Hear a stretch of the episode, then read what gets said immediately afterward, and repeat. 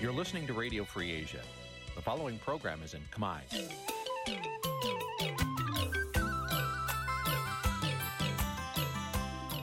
នេះជាកម្មវិធីផ្សាយ Vuthu Azizi Serai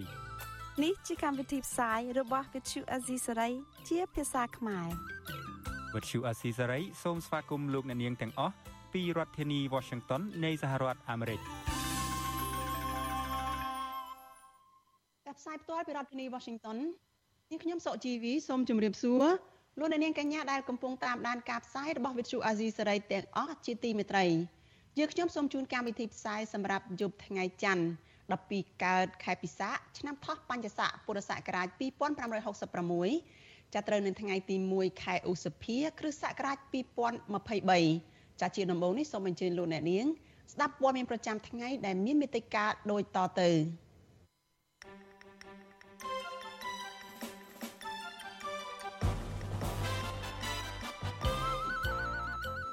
កម្មករជាងពាន់អ្នកដង្ហែក្បួនលើកស្ទួយសិទ្ធិការងារនិងសេរីភាពសហជីពក្នុងទិវាពលកម្មអន្តរជាតិអូនស្រីបង្កើតលោកហ៊ុនសែនលួចថតសម្លេងសន្ទនាឯកជន និងផ្សព្វផ្សាយវាយប្រហារមនុស្សក្នុងបកកាន់អំណាចប្រជាពលរដ្ឋត្អូញត្អែពីភាពរញ៉េរញ៉ៃក្នុងការផ្ដាល់សម្បត្តិចូលទស្សនាការប្រកួតកីឡាស៊ីហ្គេម សហគមន៍ព្រៃឡង់ថាបត់ល្មើសព្រៃឈើនៅតែបន្តកើតមានទោះមានយុទ្ធនាការបង្ក្រាបរបស់លោកសៅសុខារួមនឹងព័ត៌មានសំខាន់សំខាន់មួយចំនួនទៀតចាជាបន្តទៅទៀតនេះនាងខ្ញុំសុជីវីសូមជូនព័ត៌មានទាំងនេះពិស្ដាចលនានាងជាទីមេត្រីលោកហ៊ុនសែនប្រមានក្រុមពលរដ្ឋរស់នៅក្រៅប្រទេសថាពួកគាត់នឹងពិបាកវិលត្រឡប់ចូលស្រុកវិញចាការប្រមាននេះធ្វើឡើងបន្ទាប់ពីថ្នាក់ដឹកនាំអង្គការសង្គមស៊ីវិលនៅក្រៅប្រទេស បានប្រកាសនៅក្នុងកិច្ចប្រជុំមួយថាពួកគាត់នឹងដាក់ញត្តិបន្ថែមទៀតស្ដីពីការបន្តរំលោភសិទ្ធិមនុស្សធ្ងន់ធ្ងរពីសំណាក់របបដឹកនាំរបស់លោកហ៊ុនសែនទៅបណ្ដាប្រទេសប្រជាធិបតេយ្យនិងអង្គការសហប្រជាជាតិដើម្បីកុំឲ្យទទួលស្គាល់លទ្ធផលឆ្នោតនៅក្នុងខែកក្កដាខាងមុខនេះចាសសូមអញ្ជើញលោកអ្នកនាងរងចាំតាមដានសេចក្តីរាយការណ៍នេះពុស្ដានៅក្នុងការផ្សាយរបស់យើងនៅពេលបន្តិចទៀតនេះ។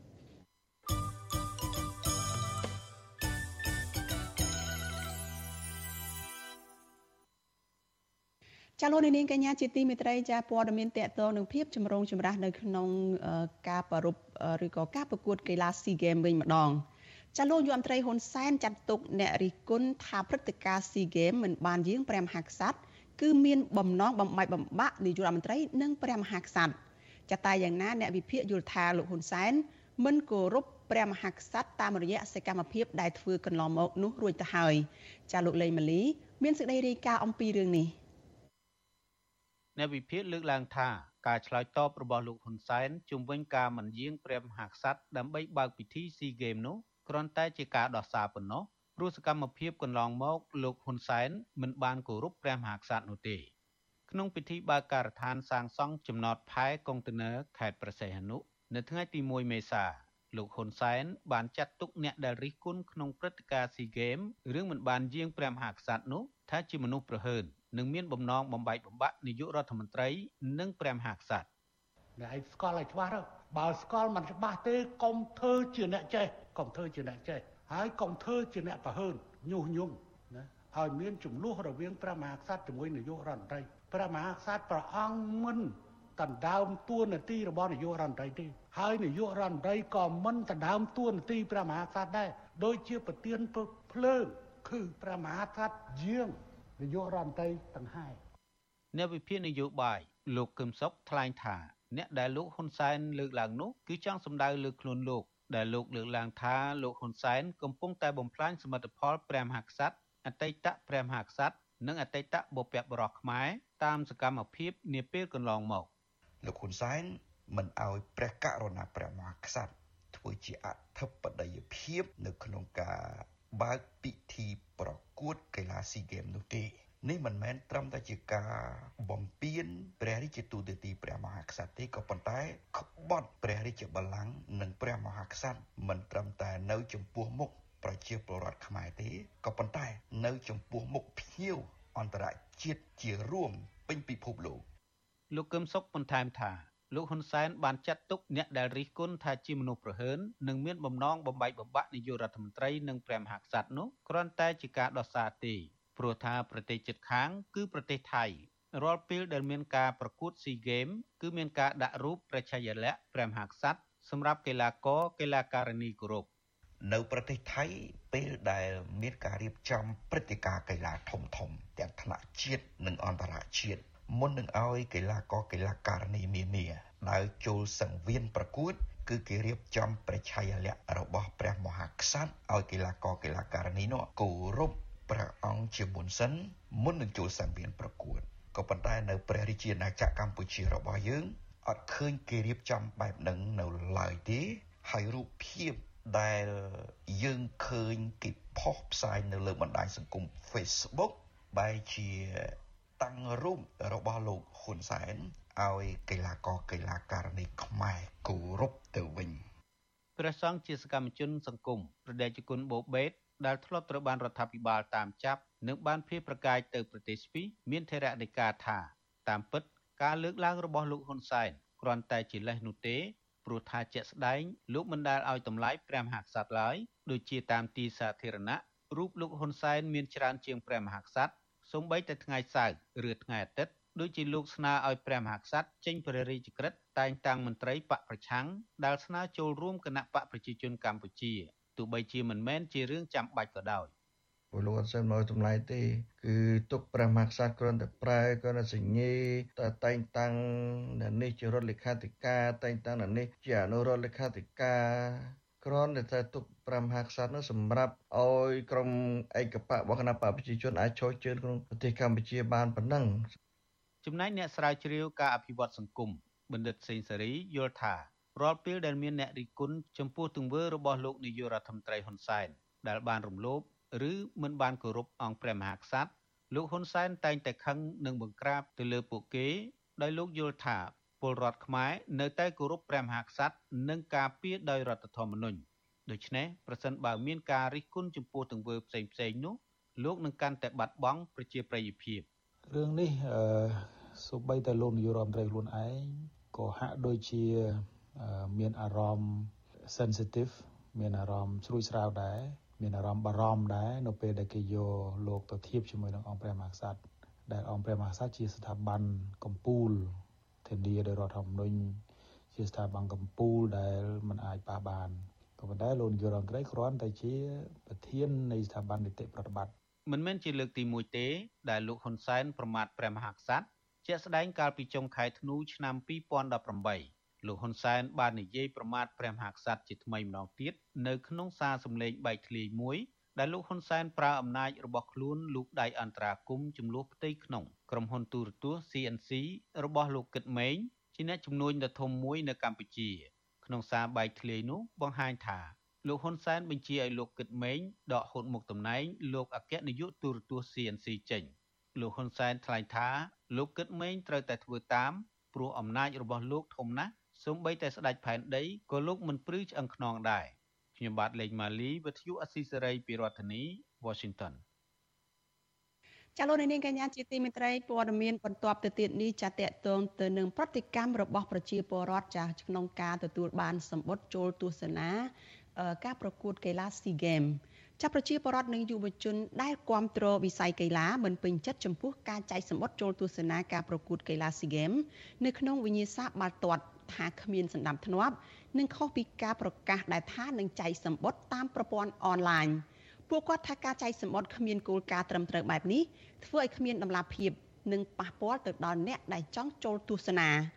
ចាយុវជននៅរាជធានីភ្នំពេញលោកច័ន្ទតារាដែលចូលរួមទស្សនាការប្រកួតកីឡាបាល់ទាត់រវាងកម្ពុជាជាមួយនឹងប្រទេសទីម៉័រប្រាប់វិទ្យុអាស៊ីសេរីនៅថ្ងៃទី1ខែឧសភាថាចាការរៀបចំការប្រកួតដើម្បីពិនិត្យសុវត្ថិភាពនិងការកំណត់ចំនួនមនុស្សចូលមើលនៅក្នុងពហុកីឡដ្ឋានជាតិអូឡ িম্প ិកគឺមានភាពល្អប្រសើរ តែយ៉ាងណាយុវជនរូបនេះមិនពេញចិត្តចំពោះសណ្ដាប់ធ្នាប់នៅក្នុងការចែកសម្បត្តិជាពិសេសការផ្លាស់ប្ដូរពីការកក់សម្បត្តិតាមប្រព័ន្ធអនឡាញគឺតាមរយៈ App SEA Games ឆ្នាំ2022មកចែកសម្បត្តិដោយផ្ទាល់វិញលោកបន្តថាការធ្វើបែបនេះបានបង្កការលំបាកដល់ប្រជាពលរដ្ឋដែលចង់ចូលទស្សនាតែគ្មានពេលវេលាគ្រប់គ្រាន់នៅទៅឈរចាំយកសម្បត្តិនៅស្តង់ដោយផ្ទាល់នោះ ហើយខ្ញុំមានការខកចិត្តដែរដោយសារតែយើងគួរដឹងហើយការប្រើប្រាស់ digital វាដើរតួនាទីសំខាន់ក្នុងជីវភាពរស់នៅយើងប្រចាំថ្ងៃវាជួយសម្រួលយើងច្រើនហើយកម្មវិធីមួយនេះវាសំខាន់ដែរអញ្ចឹងយើងគួរតែបើកផ្លូវឲ្យមានការចែកសបុតខ្លះទៅឲ្យមានការផ្ដល់សបុតឲ្យខ្លះទៅឲ្យមានការបើកកក់តាម app ទូរស័ព្ទដៃខ្លះទៅដើម្បីជាការល្អដូច្នេះហើយយើងអាចបើកលទ្ធភាពឲ្យមនុស្សមកពីគ្រប់មជ្ឈដ្ឋានគាត់អាចមានលទ្ធភាពដើម្បីទទួលបានសបុតដើម្បីចូលមើលបានទាំងអស់គ្នាចាជុំវិញរឿងនេះ ប្រធានអង្គការសម្ព័ន្ធគណនេយ្យភាពសង្គមកម្ពុជាលោកសនជ័យជំរុញឲ្យអាជ្ញាធរបង្កើតកន្លែងចែកសម្បត្តិនៅតាមទីប្រជុំជនសំខាន់សំខាន់មួយចំនួនទៀតនៅក្នុងរាជធានីភ្នំពេញហើយជាពិសេសនោះគឺបន្តកម្មវិធីកក់សម្បត្តិតាមប្រព័ន្ធអនឡាញឡើងវិញដើម្បីឲ្យប្រជាពលរដ្ឋចាងាយស្រួលទទួលបានសម្បត្តិចូលទស្សនាព្រមទាំងដើម្បីរក្សាសន្តិភាពនិងការពារសកម្មភាពមិនសមរម្យដែលអាចនឹងប៉ះពាល់ទៅដល់មុខមាត់របស់ប្រទេសជាតិ។ ចាតតឹងនឹងការចែកសមុទ្រនេះមានការរិះគន់ជាច្រើនពីប្រជាពលរដ្ឋនៅតាមបណ្ដាញសង្គមក្រោយដែលសង្កេតឃើញមានភាពរញ៉េរញ៉ៃ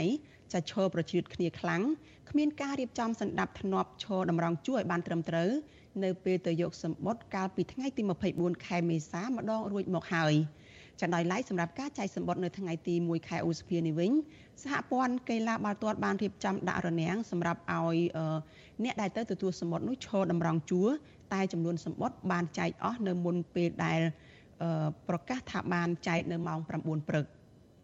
ចាការប្រកួតកីឡាស៊ីហ្គេមផ្លូវការចាប់ពីថ្ងៃទី5ដល់ថ្ងៃទី17ខែឧសភាចាមាន11ប្រទេសចូលរួម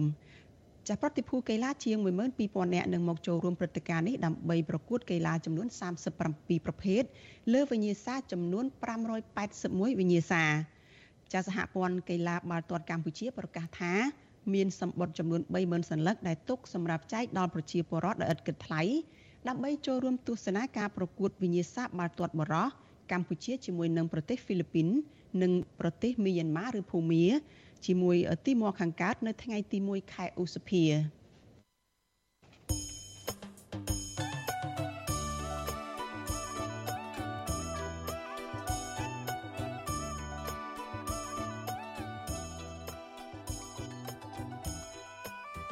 ចាលោកនាងកញ្ញាប្រិយមិត្តជាទីមេត្រីចាក្នុងឱកាសនេះដែរចានាងខ្ញុំសូមជ្រាបឱកាសថ្លែងអំណរគុណដល់លោកអ្នកនាង ចាដែលតែងតែមានភក្ដីភាពចំពោះការផ្សាយរបស់យើងហើយចាត់ទុកការស្ដាប់វិទ្យុអាស៊ីសេរីនេះចាជាផ្នែកមួយនៃសកម្មភាពប្រចាំថ្ងៃរបស់លោកអ្នកនាងចាការគ្រប់គ្រងរបស់លោកនាង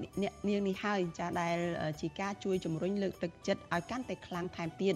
ចាដល់ក្រុមការងាររបស់វិទ្យុអាស៊ីសេរីចានៅក្នុងការស្វែងរកព័ត៌មាននិងផ្សព្វផ្សាយព័ត៌មានពិតជូនដល់លោកអ្នកនាងចាមានអ្នកស្ដាប់មានអ្នកទស្សនាកាន់តែច្រើន ចាកាន់តែធ្វើឲ្យយើងខ្ញុំមានទឹកចិត្តក្លាហាននិងមោះមុតស្វាហាប់ជាបន្តទៅទៀតចាយើងខ្ញុំសូមអរគុណលោកអ្នកនាងទុកជាមុនហើយក៏សូមអញ្ជើញលោកអ្នកនាងចាចូលរួមចំណែកជំរុញការផ្សាយរបស់វិទ្យុអាស៊ីសេរីនេះចាឲ្យកាន់តែជោគជ័យបន្ថែមទៀតចាលោកអ្នកនាងអាចជួយយើងខ្ញុំបានដោយគ្រាន់តែលោកអ្នកនាងចុចចែករំលែកការផ្សាយរបស់វិទ្យុអាស៊ីសេរីនេះចានៅលើបណ្ដាញសង្គម Facebook និង YouTube ចាទៅកាន់មិត្តភ័ក្តិរបស់លោកអ្នកនាងដើម្បីឲ្យការផ្សាយរបស់យើងនេះបានទៅដល់មនុស្សកាន់តែច្រើន ចលនានាងជាទីមេត្រីចាស់នេះខ្ញុំសូមជម្រាបជូនដែរថាវិទ្យុអាស៊ីសេរីចាក៏មានផ្សាយផ្ទាល់ចាកម្មវិធីព័ត៌មានទាំងពេលព្រឹកនិងពេលយប់នៅលើបណ្ដាញសង្គម Telegram ចាលោកអ្នកនាងអាចស្វែងរក Telegram ផ្លូវការរបស់វិទ្យុអាស៊ីសេរីបានដោយលោកអ្នកនាងស្វែងរកពាក្យថាវិទ្យុអាស៊ីសេរីឬក៏ភាសាអង់គ្លេសថា RFA ខ្មែរនៅលើទូរស័ព្ទដៃរបស់លោកអ្នកនាងចាស់ Telegram ផ្លូវការរបស់វិទ្យុអាស៊ីសេរីនេះមានសញ្ញាធីកជាសម្គាល់ ចាស់ក្រុមការងាររបស់វិទ្យុអាស៊ីសេរីចាស់នឹងខិតខំប្រឹងប្រែងស្វែងរកការផ្សព្វផ្សាយផ្សេងផ្សេងទៀតចាស់ដើម្បីផ្សព្វផ្សាយព័ត៌មានរបស់ទៅដល់លោកអ្នកនាងចាស់តាមរយៈទូរស័ព្ទដៃដើម្បីឲ្យលោកអ្នកកាន់តែងាយស្រួលតាមដានព័ត៌មានរបស់វិទ្យុអាស៊ីសេរីនេះចលនានាងជាទីមេត្រីចាយើងងាកមកព័ត៌មានតកតនឹងការប្រមានរបស់លោកហ៊ុនសែនវិញម្ដងចាលោកហ៊ុនសែនប្រមានទៅដល់ក្រមប្រជាពលរដ្ឋរស់នៅក្រៅប្រទេស ថាពួកគាត់នឹងពិបាកវិលមកចូលកម្ពុជាវិញចាការប្រមាននេះធ្វើឡើងបន្ទាប់ពីថ្នាក់ដឹកនាំអង្គការសង្គមស៊ីវិលនៅក្រៅប្រទេសចាបានប្រកាសពីក្នុងកិច្ចប្រជុំមួយថាពួកគាត់នឹងដាក់ញត្តិបន្ថែមទៀតស្ដីពីការបន្តរំលោភសិទ្ធិមនុស្សដែលមានសភាពធ្ងន់ធ្ងរពីសំណាក់ថ្នាក់ដឹកនាំគឺពីសំណាក់រដ្ឋាភិបាលលោកហ៊ុនសែនទៅបណ្ដាប្រទេសប្រជាធិបតេយ្យនិងអង្គការសហប្រជាជាតិដើម្បីកុំឲ្យទទួលស្គាល់លទ្ធផលឆ្នោត នៅក្នុងខែកក្កដាខាងមុខនេះ ចាប់ពីរដ្ឋធានី Washington លោកទីនសការីយ៉ារាយការណ៍អំពីរឿងនេះប្អូនស្រីរបស់លោកនាយរដ្ឋមន្ត្រីហ៊ុនសែនបានយកសម្លេងសន្ទនាជាលក្ខណៈឯកជនយកទៅផ្សាយលើ Facebook ទាំងមិនញញើតច្បាប់អ្វីឡើយអ្នកស្រីចោទថាសម្លេងនោះជាសម្លេងអភិបាលខេត្តបាត់ដំបងប្រមាថមើលងាយដល់អ្នកស្រីហើយនៅថ្ងៃទី22មេសាអ្នកស្រីហ៊ុនស៊ីណាត បានយកសម្លេងសន្ទនាឯកជននោះមកផ្សព្វផ្សាយជាសាធារណៈអូយដល់ហើយស្រីនេះមិនចូល ដល់យងខ្លាំងទៅតុបហើយបានទៅអង្គការសំណាងតុបហើយបានបានខ្លាំងណាតើខ្ញុំមិនបើកភ្នែកបើគាត់ទេមិនបើកភ្នែកថាមើលតែបងគាត់ញោមហើយមើលបានឆ្ងាយហើយមើលបានតែប្រហែលប្រហែលការ៉េ4ជ្រុងហើយនេះជាសម្លេងដែលអ្នកស្រីហ៊ុនសណាតអះអាងថាជាសម្លេងរបស់អភិបាលខេត្តបាត់ដំបងលោកសុកលូសន្ទនាជាមួយមន្ត្រីរបស់លោកដែលបង្ហាញពីការមិនពេញចិត្តករណីអ្នកស្រីហ៊ុនសណាត ចេញមុខទាមទារឲ្យមន្ត្រីខេត្តបាត់ដំបងបញ្ឈប់ចម្រិតទារលុយពីពលករឆ្លងដែននៅច្រកដងទៅធ្វើការនៅក្នុងប្រទេសថៃវិទ្យុអាស៊ីសេរីមិនអាចតាក់ទងសុំការអធិប្បាយពីអ្នកស្រីហ៊ុនស៊ីណាតនិងអភិបាលខេត្តបាត់ដំបងលោកសុកលូដើម្បីសំសួរអំពីបញ្ហានេះបានទេនៅថ្ងៃទី1ឧសភាចំណែកអ្នកនាំពាក្យគណៈបកប្រជាជនកម្ពុជាលោកសុកអេសានចាត់ទុកការលួចថតសម្លេងនោះជាការខុសច្បាប់លោកជំរុញទៅសម័យខ្លួនដែលយល់ថារងគ្រោះពីការលួចថតសម្លេងនេះប្តឹងទៅតុលាការ ពីព្រោះលោកថានៅកម្ពុជា មានតុលាការជាអ្នកអនុវត្តច្បាប់បើប៉ះពាល់សិទ្ធិអ្នកដទៃវាត្រូវតែទទួលខុសត្រូវចំពោះមុខច្បាប់ក្នុងករណីដែលបុគ្គលដែលប៉ះពាល់នោះគាត់មានការតវ៉ាមានការបដិងផ្ដាល់ទៅតាមផ្លូវតុលាការឲ្យតុលាការវែកមុខដើម្បីដោះស្រាយតាមផ្លូវច្បាប់អាហ្នឹងរឿងមួយតែបើសិនណាជាសម័យជនចេះតែស្ងាត់ស្ងាត់ឯអត់មានប្រតិកម្មអីអាហ្នឹងយើងអ្នកក្រៅមិនគួរមានប្រតិកម្មចំនួន គូតឆ្នាំងបរទេសទេយើងជាគម្របឆ្នាំងនៅពេលសួរថាបញ្ហាលួចថតសម្លេងសន្ទនាជាលក្ខណៈឯកជន ដោយបំពេញច្បាប់នេះតើជាបញ្ហាធំឬអត់នៅកម្ពុជានោះលោកសុកអ៊ីសានមិនបកស្រាយនោះទេលោកថានោះគឺជាសមត្ថកិច្ចរបស់តុលាការទោះជាយ៉ាងណានៅក្នុងខែមេសាឆ្នាំ2023លោកហ៊ុនសែនបានថ្លែងថាលោកមិននិយាយជាមួយអ្នកដែលហៅទូរស័ព្ទទៅលោកផ្ទាល់នោះទេពីព្រោះលោកបារម្ភខ្លាចការលួចស្ដាប់និងការថតសម្លេងខ្ញុំប្រាប់ឲ្យហើយណា អ្នកទូរស័ព្ទមកខ្ញុំប្រើប្រាស់ហ្វូនប្រើប្រាស់អាទូរស័ព្ទខ្ញុំអត់ទទួលខ្ញុំអត់ទទួលទេប៉ុន្តែបើប្រើមកតាម WhatsApp តាម Telegram តាម Line តាម Viber តាម Signal អាហ្នឹងខ្ញុំទទួលហើយតែមកតាមអ៊ីនធឺណិតគឺខ្ញុំទទួលប៉ុន្តែមកតាមហ្វូនគឺខ្ញុំអត់ទទួលទេខ្ញុំអត់និយាយទេព្រោះសម្លេងរបស់ខ្ញុំត្រូវគេចាប់ត្រូវគេចាប់យកសម្លេងរបស់ខ្ញុំបើទោះជាមន្ត្រីគណៈបកកណ្ដាលអំណាចឯកភាពថានេះគឺជាអំពើខុសច្បាប់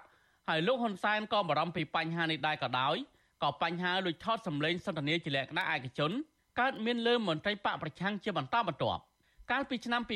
2016សម្លេងមួយដែលផ្សព្វផ្សាយដោយសារព័ត៌មានស្និទ្ធនឹងលោកហ៊ុនសែនថាជាសម្លេងដែលមានតំណាក់តំណងស្នេហារវាងលោកកម្មសខានិងនារីម្នាក់ឈ្មោះសេរីមុំសម្លេងដែលទម្លាយជាបន្តបន្ទាប់មកទៀតដោយ Facebook ឈ្មោះសីហានោះមិនមានការទប់ស្កាត់ពីសមត្ថកិច្ចនោះទេហើយថែមទាំងលោកហ៊ុនសែន យកទៅនិយាយបន្តឲ្យសរសើរឈ្មោះសីហានោះថែមទៀតផងលោកហ៊ុនសែនថាសីហាមានសមត្ថភាពពូកែលួចថតសម្លេងបញ្ហាយកសម្លេងសន្ទនាឯកជនមកវាយប្រហារនេះមិនមែនមានតែលោកកម្មសខានោះទេមន្ត្រីបកប្រឆាំងផ្សេងផ្សេងទៀតក៏រងគ្រោះជាបន្តបន្ទាប់ដែរតែទៅនឹងបញ្ហានេះលោកមេធាវីសេកសុភ័ណ្ឌបញ្យល់ថាការសន្ទនាជាលក្ខណៈឯកជន ការពៀដោយច្បាប់ ការពៀមិនឲ្យលួចស្ដាប់ឬលួចថតយកទៅផ្សព្វផ្សាយនោះទេ ការថតសម្លេងឯកជនដែលមិនមានការយល់ស្របពីម្ចាស់សម្លេងហ្នឹងគឺជាបទល្មើសព្រហ្មទណ្ឌហើយនៅក្នុងនៅក្នុងរដ្ឋធម្មនុញ្ញគេឲ្យរដ្ឋអ្នកធានារដ្ឋអ្នកធានានៅរាល់ការឆ្លងឆ្លើយជាសង្កាត់ឯកជនហ្នឹងណាគឺជាសិទ្ធិធម្មនុញ្ញរបស់ពលរដ្ឋខ្មែរម្នាក់ម្នាក់អញ្ចឹងបើសិនជាមានអំពើលួចថត មានន័យថាការលួចថតហ្នឹងគឺជាបទល្មើសហើយការយកមកផ្សាយទៅទៀតអាហ្នឹងរឿងមួយទៀតផ្សេងទៀតបាទចំណែកអ្នកនាំពាក្យសមាគមការពារសិទ្ធិមនុស្សអាត់ហុកលោកសឹងសានករណីជំរុញទៅស្ថាប័នពាក់ព័ន្ធឲ្យយកចិត្តទុកដាក់ទប់ស្កាត់ការលួចស្ដាប់ការសន្ទនាទាមបំពេញសិទ្ធិបុគ្គលនិងច្បាប់បែបនេះ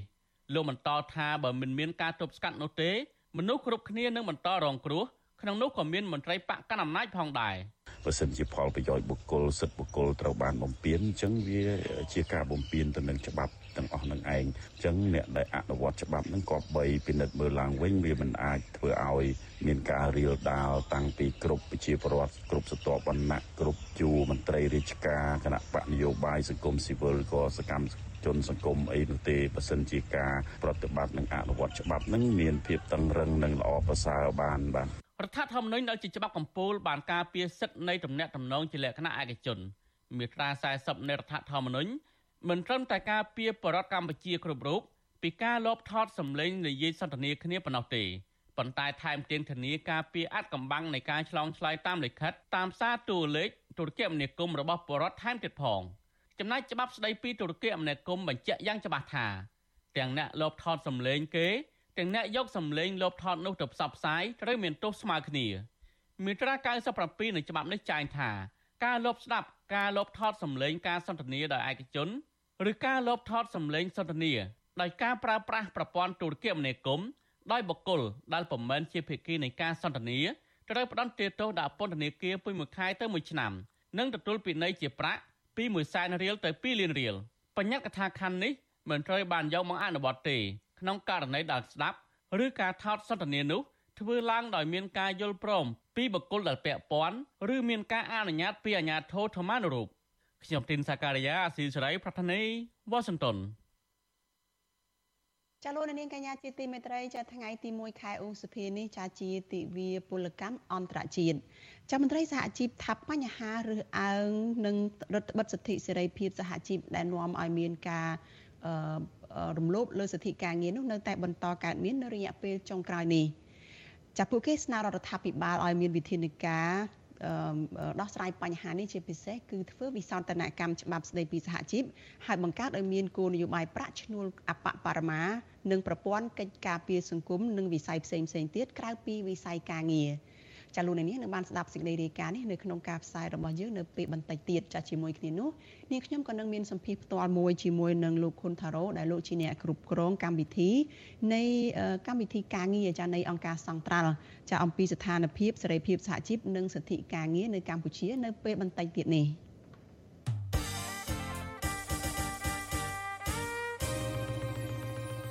ការបោះឆ្នោតជ្រើសតាំងតំណាងរាស្ត្រនៅអាណត្តិទី7ដែលប្រព្រឹត្តទៅនៅខែកក្កដាឆ្នាំ2023នេះកាន់តែខិតជិតចូលមកដល់ហើយ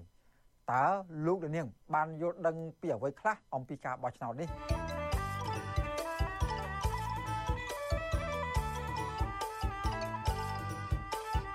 យល់សួរអស់លោកនាងកញ្ញាជាទីមេត្រីខ្ញុំបាទសេបណ្ឌិត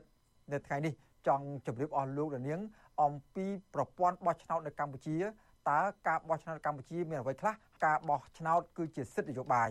ហើយការបោះឆ្នោតនេះគឺជាកាតព្វកិច្ចដ៏សំខាន់របស់ប្រជាពលរដ្ឋដែលត្រូវបំពេញរៀងៗខ្លួន ជាពិសេសពលរដ្ឋដែលគ្រប់អាយុត្រូវតែបោះឆ្នោត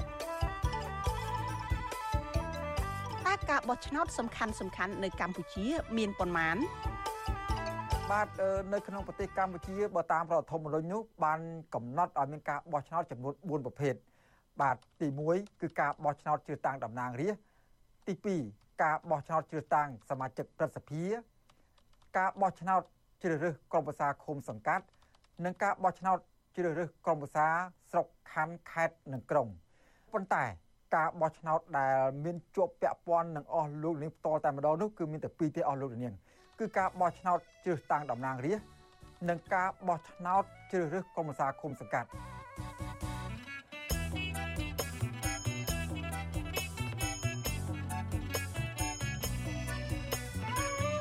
ចំពោះការបោះឆ្នោតជ្រើសរើសក្រុមប្រឹក្សាឃុំសង្កាត់បានកន្លងផុតទៅហើយកាលពីខែមិថុនាឆ្នាំ2022បាទចំពោះការបោះឆ្នោតជ្រើសតាំងតំណាងរាស្ត្រអាណត្តិទី7វិញនឹងប្រព្រឹត្តទៅនៅខែកក្កដាខាងមុខឆ្នាំ2023បាទតើលោកលានាងបានត្រៀមខ្លួនរួចរាល់ហើយឬនៅចំពោះការបោះឆ្នោតនៅពេលខាងមុខនេះ ខ្ញុំបាទសេបណ្ឌិតព្រមទាំងក្រុមការងារទាំងអស់នៃវិទ្យុអសីសេរីនឹងរៀបចំកម្មវិធីផ្សាយអំពីការបោះឆ្នោតដែលនឹងប្រព្រឹត្តទៅនៅពេលខាងមុខនេះជូនអស់លោកនាងជាបន្តបន្ទាប់សូមអស់លោកនាងកុំភ្លេចតាមដាន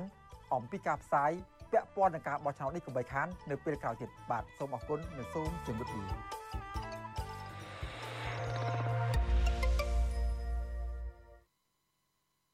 ចាលោកនាងកញ្ញាជាទីមេត្រីចាព័ត៌មានតកតលនឹងការប្រារព្ធទិវា1ឧសភាចាថ្ងៃពលកម្មអន្តរជាតិចាកម្មករនយោជិតមកពីក្រុមហ៊ុនសហគ្រាសនៅក្នុងវិស័យផ្សេងផ្សេងគ្នា ដែលមានចំនួនជាង2000នាក់ចូលរួមដង្ហែក្បួនលើកកម្ពស់សិទ្ធិការងារនិងសេរីភាពសហជីពនៅក្នុងទិវាពលកម្មអន្តរជាតិ1ឧសភានេះ ចាំមន្ត្រីសហជីពថាបញ្ហារើអើងនឹងការរឹតបន្តឹងសិទ្ធិសេរីភាពសហជីពនៅតែបន្តកើតមាននៅក្នុងរយៈពេលប្រមាណឆ្នាំចុងក្រោយនេះចាពួកគេស្នើរដ្ឋាភិបាលឲ្យធ្វើវិសន្ទនកម្មលើច្បាប់ស្តីពីសហជីពហើយបង្កើតឲ្យមានគោលនយោបាយប្រាក់ឈ្នួលអបបរមា និងប្រព័ន្ធកិច្ចការពារសង្គមនៅក្នុងវិស័យផ្សេងទៀតក្រៅពីវិស័យកាត់ដេរចាសូមស្ដាប់សេចក្តីរាយការណ៍របស់លោកនៅវណ្ណរិនអំពីរឿងនេះ តំណាងគណៈកម្មការនយោជិកសហជីពអង្គការសង្គមស៊ីវិលផ្នែកសិទ្ធិការងារប្រារព្ធពិធីពលកម្មអន្តរជាតិលើកទី137នៅមុខសួនក្រុមប្រឹក្សាអភិវឌ្ឍកម្ពុជា CDC ពួកគេបានជួបជុំគ្នានិងដង្ហែក្បួនលើកកម្ពស់សិទ្ធិការងារនិងសេរីភាពសហជីពដែលចាប់ផ្ដើមចេញដំណើរពីសួនក្រុមប្រឹក្សាអភិវឌ្ឍកម្ពុជាឆ្ពោះទៅរមណីយដ្ឋានវត្តភ្នំ និងត្រឡប់មកមុខសួនក្រុមប្រឹក្សាអភិវឌ្ឍកម្ពុជាវិញ។ អ្នកចូលរួមស្លៀកសម្លៀកបំពាក់ទៅតាមវិស័យផ្សេងផ្សេងគ្នា រួមមានខាងផ្នែកសំណង់គឺពាក់អាវពណ៌សទឹកក្រូចកាន់បដារូបភាពគ្រោះថ្នាក់នៅកន្លែងការងារនិងពាក់មួកនៅការដ្ឋានជាដើមពួកគេកាន់បដាអបអរទិវាពលកម្មអន្តរជាតិរួមទាំងកាន់ទង់ជាតិខ្មែរកាន់ទង់ស្ថាប័នរបស់ពួកគេ និងកាន់បដាផ្សេងផ្សេងផងដែរ ក្នុងនោះក៏មានបដាសលាយខៀវសរសេរថាសូមឲ្យរដ្ឋាភិបាលចេញសេចក្តីប្រកាសស្តីពីការកំណត់ប្រាក់ឈ្នួលគោលសម្រាប់កម្មករវិស័យសំណង់ពិធីនេះដឹកនាំដោយសហភាពការងារកម្ពុជា និងមានការចូលរួមពីសំណាក់អង្គការជាតិនិងអន្តរជាតិផ្នែកសិទ្ធិការងាររួមទាំងអង្គការការពារសិទ្ធិមនុស្សអាត6អង្គការ Liga do អង្គការសិទ្ធិមនុស្សកម្ពុជា CCHR និងអង្គការសមាគមមួយចំនួនផ្សេងទៀត ប្រធានសហភាពការងារលោកអាត់ធុនប្រាប់បញ្ជាអាស៊ីសេរីថាគោលបំណងសំខាន់នៅក្នុងការប្រារព្ធពិធីនេះគឺដើម្បីរំលឹកដល់វីរភាពរបស់អ្នកលះបង់ជីវិតដើម្បីសិទ្ធិការងារនិងដើម្បីផ្សព្វផ្សាយអំពីគោលបំណងសំខាន់សំខាន់របស់ទិវាសិទ្ធិពលកម្មអន្តរជាតិនេះទៅដល់តំណាងកម្មករនិងសហជីពលោកអាត់ធុនបន្តថាក្រោយពីមានការសម្ដែងទុកកង្វល់និងបញ្ហាប្រឈមដែលប៉ះពាល់មកដល់កម្មករ ពួកគេក៏បានស្នើរដ្ឋាភិបាលដោះស្រាយបញ្ហាចំនួន18ចំណុចតាក់ទងទៅនឹងការទៀមទាដំឡើងប្រាក់ឈ្នួលការបញ្ចុះតម្លៃប្រេងសាំងដោះស្រាយវិវាទការងារឲ្យមានប្រសិទ្ធភាពការរៀបចំយន្តការសន្តិសុខសុវត្ថិភាពនៅកន្លែងធ្វើការជាដើម។ មួយគឺយើងស្នើរដ្ឋាភិបាលកំណត់ប្រាក់ឈ្នួលជូនកម្មករយោជិតផ្នែកវិស័យកាត់ដេរចំនួន250ដុល្លារនិងកំណត់ប្រាក់ឈ្នួលសម្រាប់វិស័យផ្សេងៗទៀតឲ្យបានដូចវិស័យកាត់ដេរផងដែរហើយទី2គឺឲ្យរដ្ឋាភិបាលបញ្ចុះតម្លៃប្រេងសាំងតម្លៃជីកសិកម្មនិងតម្លៃការប្រាក់ធនាគារឲ្យនៅកម្រិតមួយដែលធានាដល់ការពារទៅដល់កម្មករនិងជនងាយរងគ្រោះផ្សេងៗដែលកំពុងពិបាកហើយទី3គឺស្នើរដ្ឋាភិបាលនឹងពង្រីកនៅសេវាសន្តិសុខសង្គមទៅដល់កម្មករយោជិតងាយរងគ្រោះផ្សេងៗទៀត ស្រដៀងគ្នានេះដែរប្រធានសហព័ន្ធសហជីពកម្មករសំណង់និងព្រៃឈើកម្ពុជា លោកសុកគិនមានប្រសាសន៍ថាលោកសង្កេតឃើញថាមានគ្រោះថ្នាក់ការងារនៅក្នុងវិស័យសំណង់ខ្ពស់រហូតដល់18%ហើយកម្មករនៅក្នុងវិស័យសំណង់គឺងាយរងគ្រោះថ្នាក់គ្រប់វិនាទីលោកបន្តថាចំពោះបញ្ហារបស់កម្មករនេះគឺមិនសូវទទួលបានការយកចិត្តទុកដាក់នោះទេ ជាហេតុនាំឲ្យកម្មករនៅក្នុងវិស័យសំណង់តែងតែតវ៉ាទាមទារនៅលក្ខខណ្ឌការងារសមរម្យ លោកបន្តថាក្នុងនាមជាតំណាងគណៈកម្មការក្នុងវិស័យសំណង់លោកស្នើ6ចំណុចដល់រដ្ឋាភិបាល រួមមានការកំណត់ប្រាក់ឈ្នួលអបបរមានៅក្នុងវិស័យសំណង់ច្បាប់ស្តីពីសុវត្ថិភាពនៅកន្លែងធ្វើការងារពន្លឿនការដាក់បញ្ចូលរបបសន្តិសុខសង្គមក្នុងវិស័យសំណង់និងចំណុចមួយចំនួនផ្សេងទៀតសហព័ន្ធអាជីវកម្មករសម្បត្តិប្រជាកម្ពុជាដែលតំណាងឲ្យសមាជិកជាង10000នាក់នៅក្នុងប្រទេសកម្ពុជា ដែលមានសំណើ6ចំណុចនៅក្នុងនេះទី1គឺស្នើសុំឲ្យរដ្ឋាភិបាលមានការកំណត់ប្រាក់ឈ្នួលអបបរមាសម្រាប់កម្មករនៅក្នុងវិស័យសំណង់និងនិងសម្ភារៈសំណង់ទី2សូមឲ្យរដ្ឋាភិបាលចេញប្រកាសឬមួយក៏ច្បាប់ទាក់ទងទៅនឹងសុខភាពសុខភាពដើម្បីកាត់បន្ថយនៅអត្រាគ្រោះថ្នាក់សម្រាប់កម្មករសំណង់និងវិស័យសម្ភារៈសំណង់លោកអត់ផ្សេងៗទៅដែរចំណុចទី3សូមឲ្យរដ្ឋាភិបាលដាក់បញ្ចូលឬមួយក៏ពន្លឿនការអនុវត្តបេឡាជារបបសន្តិសុខសង្គមទៅដល់កម្មករសំណង់សម្ភារសំណង់លោកអត់ឲ្យបានក្នុងជំនាញឲ្យដល់មានប្រសិទ្ធភាព វិទ្យុអាស៊ីសេរីនៅពុំទាន់អាចទំនាក់ទំនងแนะនាំពាក្យក្រសួងកាងារលោកហេងសួរដើម្បីសុំការអធិប្បាយជុំវិញសំណើរបស់ក្រុមកម្មករនិងសហជីពបាននៅឡើយទេនៅថ្ងៃទី1ខែឧសភានេះទោះយ៉ាងណានាយកទទួលបន្ទុកកិច្ចការទូតនៃអង្គការលីកាដូលោកអំសំអាត មានប្រសាសន៍ថា ការប្រារព្ធពិធីរំលឹកខួបលើកទី137នៃទិវាពលកម្មអន្តរជាតិនៅឆ្នាំនេះគឺហាក់មានភាពល្អប្រសើរជាងឆ្នាំកន្លងទៅដោយមិនមានការរារាំងពីសំណាក់អាជ្ញាធរនោះទេ លោកបន្តថាទោះជាមិនមានការរារាំងក្តីក៏ប៉ុន្តែក្រមសហជីពនិងកម្មករនិយោជិកដង្ហែក្បួនដើម្បីលើកកម្ពស់ការងារនិងសិទ្ធិសេរីភាពសហជីពត្រូវបានហាមឃាត់មិនឲ្យមានការដង្ហែទៅគោលដៅដែលពួកគេចង់បាននោះទេក្រោមហេតុផលមួយចំនួននិងតម្រូវឲ្យក្បួនដង្ហែនេះត្រឹមតែបរិវេណវត្តភ្នំតែប៉ុណ្ណោះ លោកអំសំអាតទទូចឲ្យតំណាងរាស្ត្រទទួលយកសំណើនិងដោះស្រាយបញ្ហាដែលជាទុកកង្វល់របស់កម្មករដើម្បីទទួលបានសម្លេងគ្រប់គ្រងក្នុងការបោះឆ្នោតជាតិនៅពេលខាងមុខ ខ្ញុំយល់ថាលទ្ធិស័កចុងក្រោយនេះពីបាត់កូវីដ19 ជាសកលវាជារឿងមួយប៉ុន្តែ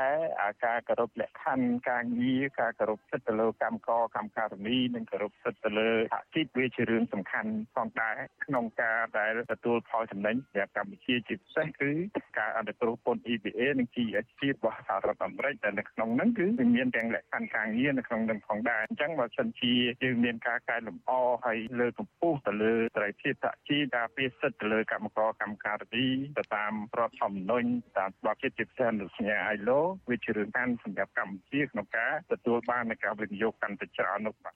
ក្រមសហជីពកម្មករនិយោជិកនិងអង្គការសង្គមស៊ីវិលនៅតែទទូចស្នើឲ្យរដ្ឋាភិបាលយកសំណើនិងដោះស្រាយបញ្ហា ដែលកម្មករតាមវិស័យនានាកំពុងជួបប្រទះឲ្យបានឆាប់រហ័សនិងមានប្រសិទ្ធភាពខ្ញុំបាទនៅវណ្ណរិន With Chu Azizi Saray ពីរដ្ឋធានី Washington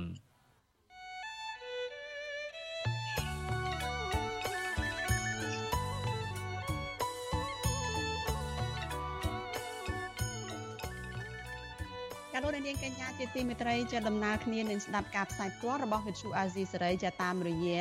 បណ្ដាញសង្គម Facebook YouTube និង Telegram ចាលោកនាងក៏អាចស្ដាប់ការផ្សាយរបស់យើងចាតាមរយៈវិទ្យុរលកធាតុអាកាសខ្លីចា Post SW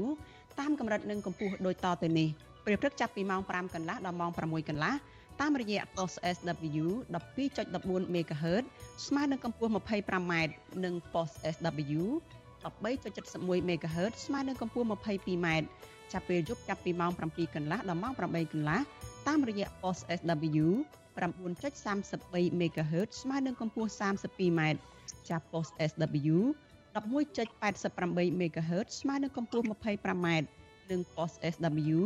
12.14 MHz ស្មើនឹងកម្ពស់ 25m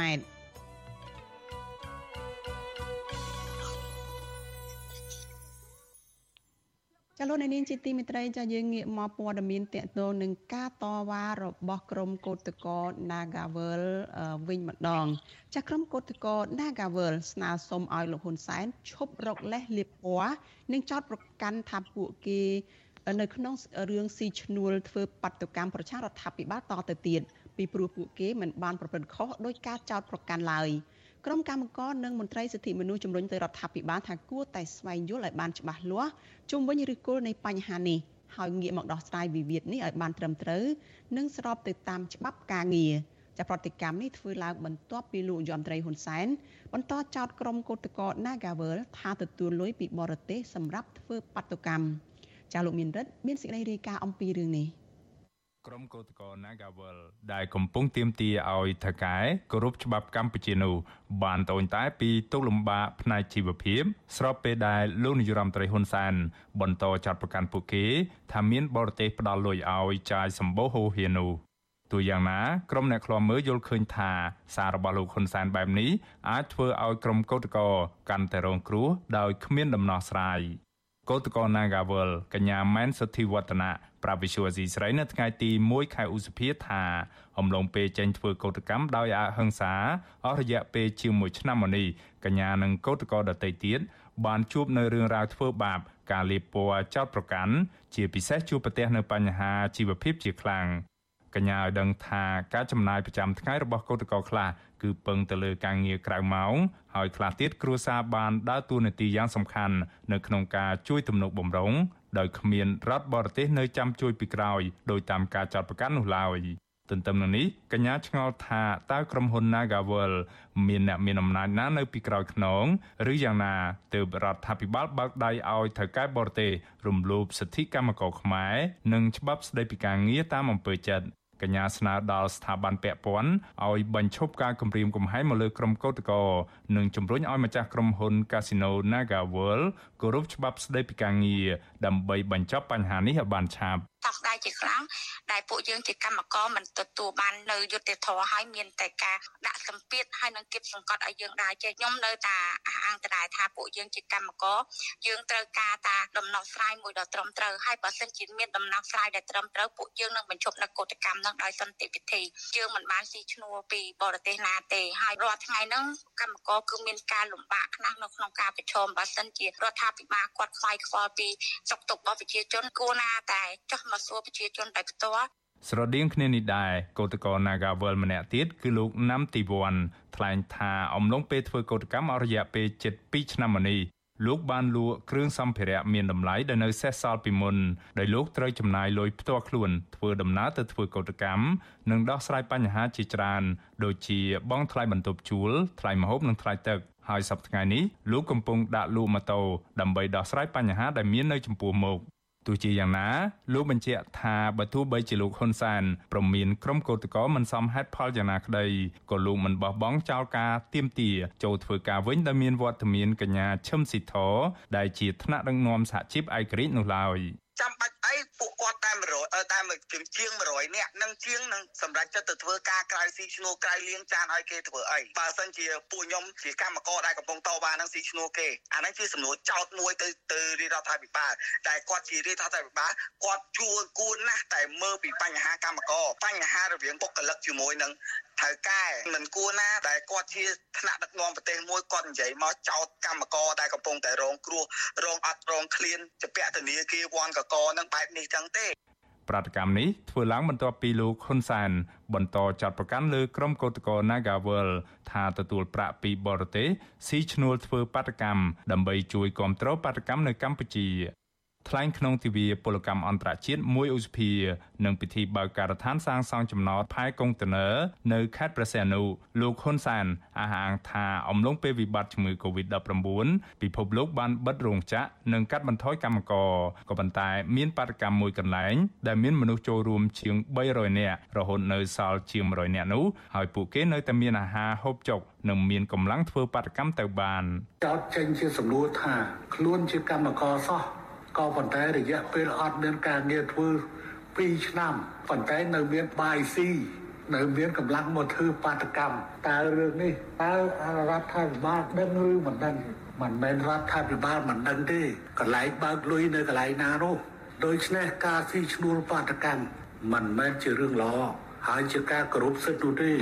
កិនមកដល់ពេលនេះលោកហ៊ុនសានបានយកវេទិកាសាធារណៈរបស់រដ្ឋ ថ្លែងសារចោតប្រកាន់តាក់ទងទៅនឹងរឿងអ្នកជួយឧបត្ថម្ភប្រាក់ដល់ក្រុមកោតក្រកាស៊ីណូ Naga World 3លើករួចមកហើយបន្ទាប់ពីរដ្ឋាភិបាលរបស់លោកអសមត្ថភាពក្នុងការដោះស្រាយបញ្ចប់វិវាទការងារដោយយុត្តិធម៌ជូនគ្រប់ភាគីទាំងអស់នោះទន្ទឹមនឹងនេះបើទោះបីជាលោកហ៊ុនសែនលើកឡើងបែបនេះក្តីក៏លោកនៅមិនហ៊ាននិយាយចំចំឈ្មោះថាបរទេសឬប្រទេសណាមួយ នៅពីក្រោយកោតកម្មរបស់ក្រុមកោតក្រ Nagawal នោះឡើយ ផ្ទុយពីការលើកឡើងរបស់លោកហ៊ុនសែននេះក្រុមកោតក្រច្រានចោលចំពោះការចាត់ប្រកាន់ពីប្រមុខរដ្ឋាភិបាលមកលើកោតក្រដែលជាជនរងគ្រោះពួកគេស្នើដល់រដ្ឋាភិបាល គួរចុះស្វែងយល់អំពីដើមហេតុពិតប្រាកដដែលនាំឲ្យកម្មករនាំគ្នាចេញធ្វើកោតកម្មដោយសន្តិវិធីរហូតមកដល់ពេលនេះជាជាងថ្លែងសារផ្ទុយពីការពិតនិងដាក់សម្ពាធឲ្យកម្មករបោះបង់ចោលការទៀមទាឲ្យថៅកែងាកមកគោរពច្បាប់ស្តីពីការងារនោះ អនុប្រធានសហជីពត្រួតត្រងសិទ្ធិការងារបុគ្គលិកកម្មករខ្មែរនៃក្រុមហ៊ុន Casino Nagawal លោកស្រីឈឹមសខនរំលឹកថាដំបូងឡើយក្រុមកម្មកររាប់រយនាក់បានចេញធ្វើកោតកម្មពីព្រោះតែត្រូវកែបញ្ឈប់កម្មករដោយរំលោភច្បាប់ស្តីពីការងារជាពិសេសរំលាយសហជីពឯករាជ្យចេញពីក្រុមហ៊ុនជាដើម លោកស្រីបន្ថែមថាដោយសារតែសម្ពាធសេដ្ឋកិច្ចគ្រួសារពួកគាត់មួយចំនួនបានបង្ខំចិត្តបោះបង់ចោលការទៀមទាដោយទទួលយកដំណោះស្រាយដែលមិនត្រឹមត្រូវលោកស្រីដឹងថាការតវ៉ានេះគ្មានអ្នកជួយឧបត្ថម្ភប្រាក់ពីខាងក្រៅនោះទេគឺបច្ចុប្បន្នកោតក្រឆ្លាស់វេនគ្នាចេញធ្វើកោតកម្មដែលមានអ្នកចូលរួមចន្លោះពី30នាក់ទៅ50នាក់បើទោះបីជាពួកគាត់មានជីវភាពខ្វះខាតខ្លាំងយ៉ាងណាក៏ដោយ យើងនេះបើសិនជាមានការឧបត្ថម្ភអញ្ចឹងឲ្យគេប្រមូលភ័ស្តុតាងបានណាវាមិនអាចថាគេទុកឲ្យយើងមួយឆ្នាំនៅរំខានគេអីអញ្ចឹងទេពិបត្តិកូវីដនេះណាកាគាត់អត់មានខាត់ទេគាត់គ្រាន់តែធ្លាក់ប្រាក់ចំណូលអញ្ចឹង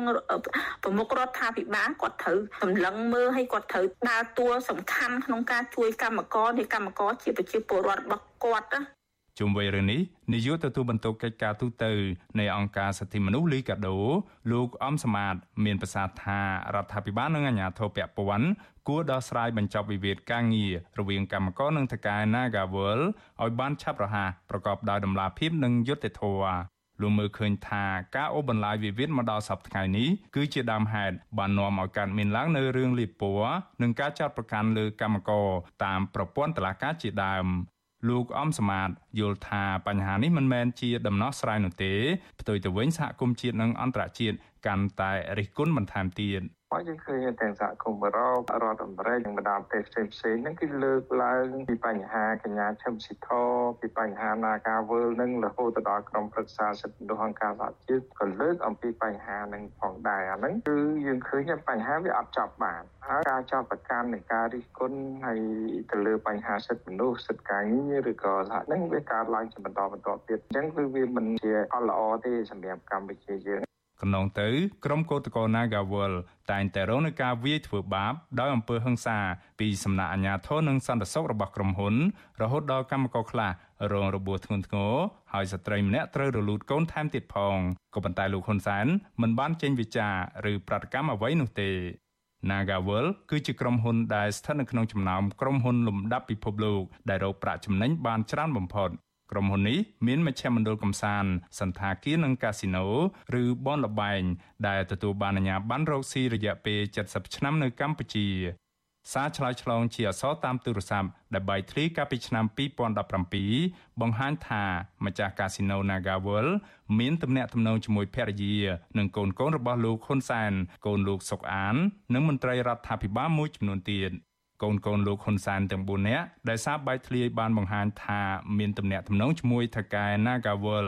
រួមមានលោកហ៊ុនម៉ាណែតលោកហ៊ុនម៉ាណិត លោកហ៊ុនម៉ាណីនិងអ្នកស្រីហ៊ុនម៉ាណា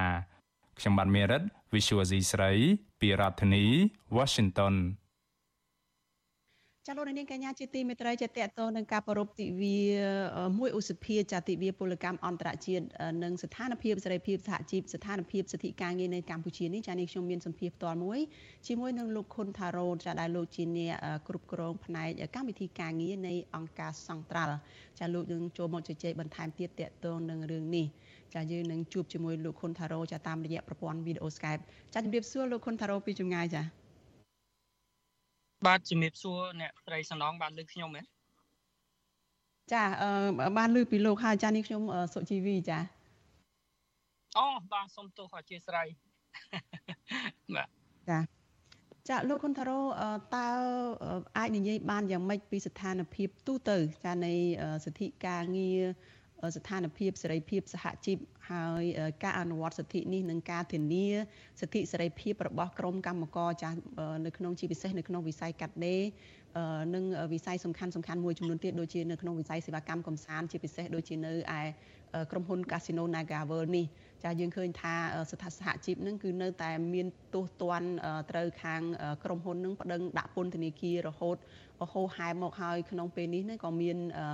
ប្រធានសហជីពគឺកញ្ញាឈឹមស៊ីធនឹងកំពុងតែជាប់ពន្ធនាគារនៅឡើយនឹងចាសសូមជួយសង្ខេបខ្លីៗពីស្ថានភាពអ្វីដែលលោកបានមើលឃើញចាតកតងទៅនឹងស្ថានភាពអស់នេះនៅថ្ងៃទី1ខែឧសភានេះចាយើងសង្កេតឃើញថាលំហសិទ្ធិសេរីភាពពលរដ្ឋសិទ្ធិសេរីភាពសហជីពកាន់តែរដ្ឋបិទតូចទៅតូចទៅដោយសារស្ថានភាពនាពេលបច្ចុប្បន្ននេះ សិទ្ធិរបស់កម្មករយោជិតចលនាសហជីពឯករាជ្យដែលដើរតួនាទីនៅក្នុងការលើកកម្ពស់សិទ្ធិការងារលើកកម្ពស់ឲ្យមាននៅលក្ខខណ្ឌការងារសម្រាប់កម្មករនិយោជិត ជាងប្រមាណ8លាននាក់នៅក្នុងវិស័យផ្សេងផ្សេងត្រូវបាន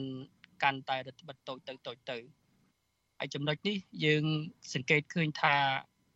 ជីវភាពរស់នៅរបស់កម្មករនិយោជិត ទាំងក្នុងប្រព័ន្ធក្រៅប្រព័ន្ធត្រូវទទួលរងផលប៉ះពាល់ដោយអវិជ្ជមានជាពិសេសកត្តាសេដ្ឋកិច្ចនៅក្នុងកំឡុងពេលវិបត្តិកូវីដនេះ ដែលកម្មករនិយោជិតត្រូវប្រឈមទៅនឹងការបាត់បង់ការងាររោងចក្រត្រូវបិទកម្មករនិយោជិតនៅក្នុងវិស័យសេវាកម្មវិស័យសេដ្ឋកិច្ចការប្រព័ន្ធទទួលរងផលប៉ះពាល់ខ្លាំងទាក់ទងទៅនឹងបញ្ហាសេដ្ឋកិច្ចនិងជីវភាពរបស់ពួកគាត់ជាពិសេសគឺបញ្ហាបំណុលសហជីពឯករាជ្យ ដែលគាត់ធ្វើការងារនៅក្នុងការការពារសិទ្ធិនិងផលប្រយោជន៍កម្មករនិយោជិតត្រូវទទួលរងនៅការគំរាមកំហែងការប្រើប្រាស់នៅប្រព័ន្ធតឡាការគឺជាកត្តាគំរាមកំហែងទៅដល់សិទ្ធិជាមូលដ្ឋានជាពិសេសគឺការរំលោភសិទ្ធិការងារយ៉ាងធ្ងន់ធ្ងរទៅដល់សកម្មជនសហជីពថ្នាក់ដឹកនាំសហជីពដែលហ៊ានទាមទារតវ៉ាដើម្បីឲ្យមាននៅយុត្តិធម៌ការងារនៅកន្លែងការងារទាមទារឲ្យមាននៅសំណង ដែលចូលរួមនៅក្នុងការជំរុញឲ្យមាននៅគោលនយោបាយកិច្ចការពារសង្គមជាដើមយើងសង្កេតឃើញថាកម្មករនិយោជិត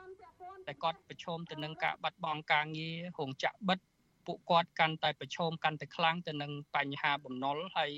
បញ្ហាបំណុលនេះប្រទេសកម្ពុជារបស់យើងគឺស្ថិតនៅក្នុងលំដាប់ថ្នាក់មួយដែលមានហានិភ័យខ្ពស់ដែលមានប្រជាពលរដ្ឋជាប់បំណុលធនាគារហើយជាពិសេសនោះគឺកម្មករនយោជិត ដែលគាត់មិនទាន់មាននៅប្រាក់ឈ្នួលរស់នៅសមរម្យដែលធានាទៅដល់ជីវភាព និងសេចក្តីថ្លៃថ្នូរនៅក្នុងនាមជាមនុស្សពួកគាត់ត្រូវប្រឈមទៅនឹងបញ្ហាបំណុលនេះហើយគឺជាកត្តាសេដ្ឋកិច្ចមួយដែលពួកគាត់មានការរងសម្ពាធខ្លាំងការប្រើប្រាស់នៅប្រព័ន្ធតឡាការនេះយើងឃើញថាករណីប្រឆាំងទៅនឹងមេដឹកនាំសហជីពតាក់ទងទៅនឹងបទល្មើសព្រំប្រទាន ករណីស៊ីវិលនេះនៅតែបន្តហើយតឡាការនៅតែបន្តនៅក្នុងការចោតប្រកាន់ទៅដល់សកម្មភាពឬក៏ការធ្វើកោតកម្មដោយសន្តិវិធីដោយអហិង្សានៅពេលដែលមានករណីរំលោភសិទ្ធិការងារដូចជាបញ្ហាករណីនៅកាណាកានេះជាដើមគ្រាន់តែជាការទីមទីឲ្យមាននៅការគោរពលក្ខខណ្ឌការងារការទទួលយកថ្នាក់ដឹកនាំចូលធ្វើការងារវិញផ្ទុយទៅវិញថ្នាក់ដឹកនាំសហជីពត្រូវទទួលរងនៅ ការចោតប្រកាន់បទល្មើសព្រហ្មទណ្ឌ3ករណីរួមទាំងមួយករណីទៀតជាបទល្មើសស៊ីវិលដែលត្រូវចោតប្រកាន់ដោយក្រុមហ៊ុននៅក្នុងការទៀមទាសំណងអញ្ចឹងបញ្ហាទាំងអស់នេះយើងយើងសង្កេតឃើញថាលំហសិទ្ធិសេរីភាពពលរដ្ឋសិទ្ធិសហជីពនេះត្រូវត្រូវបានទទួលរងនៅការគម្រាមកំហែងជាប្រព័ន្ធ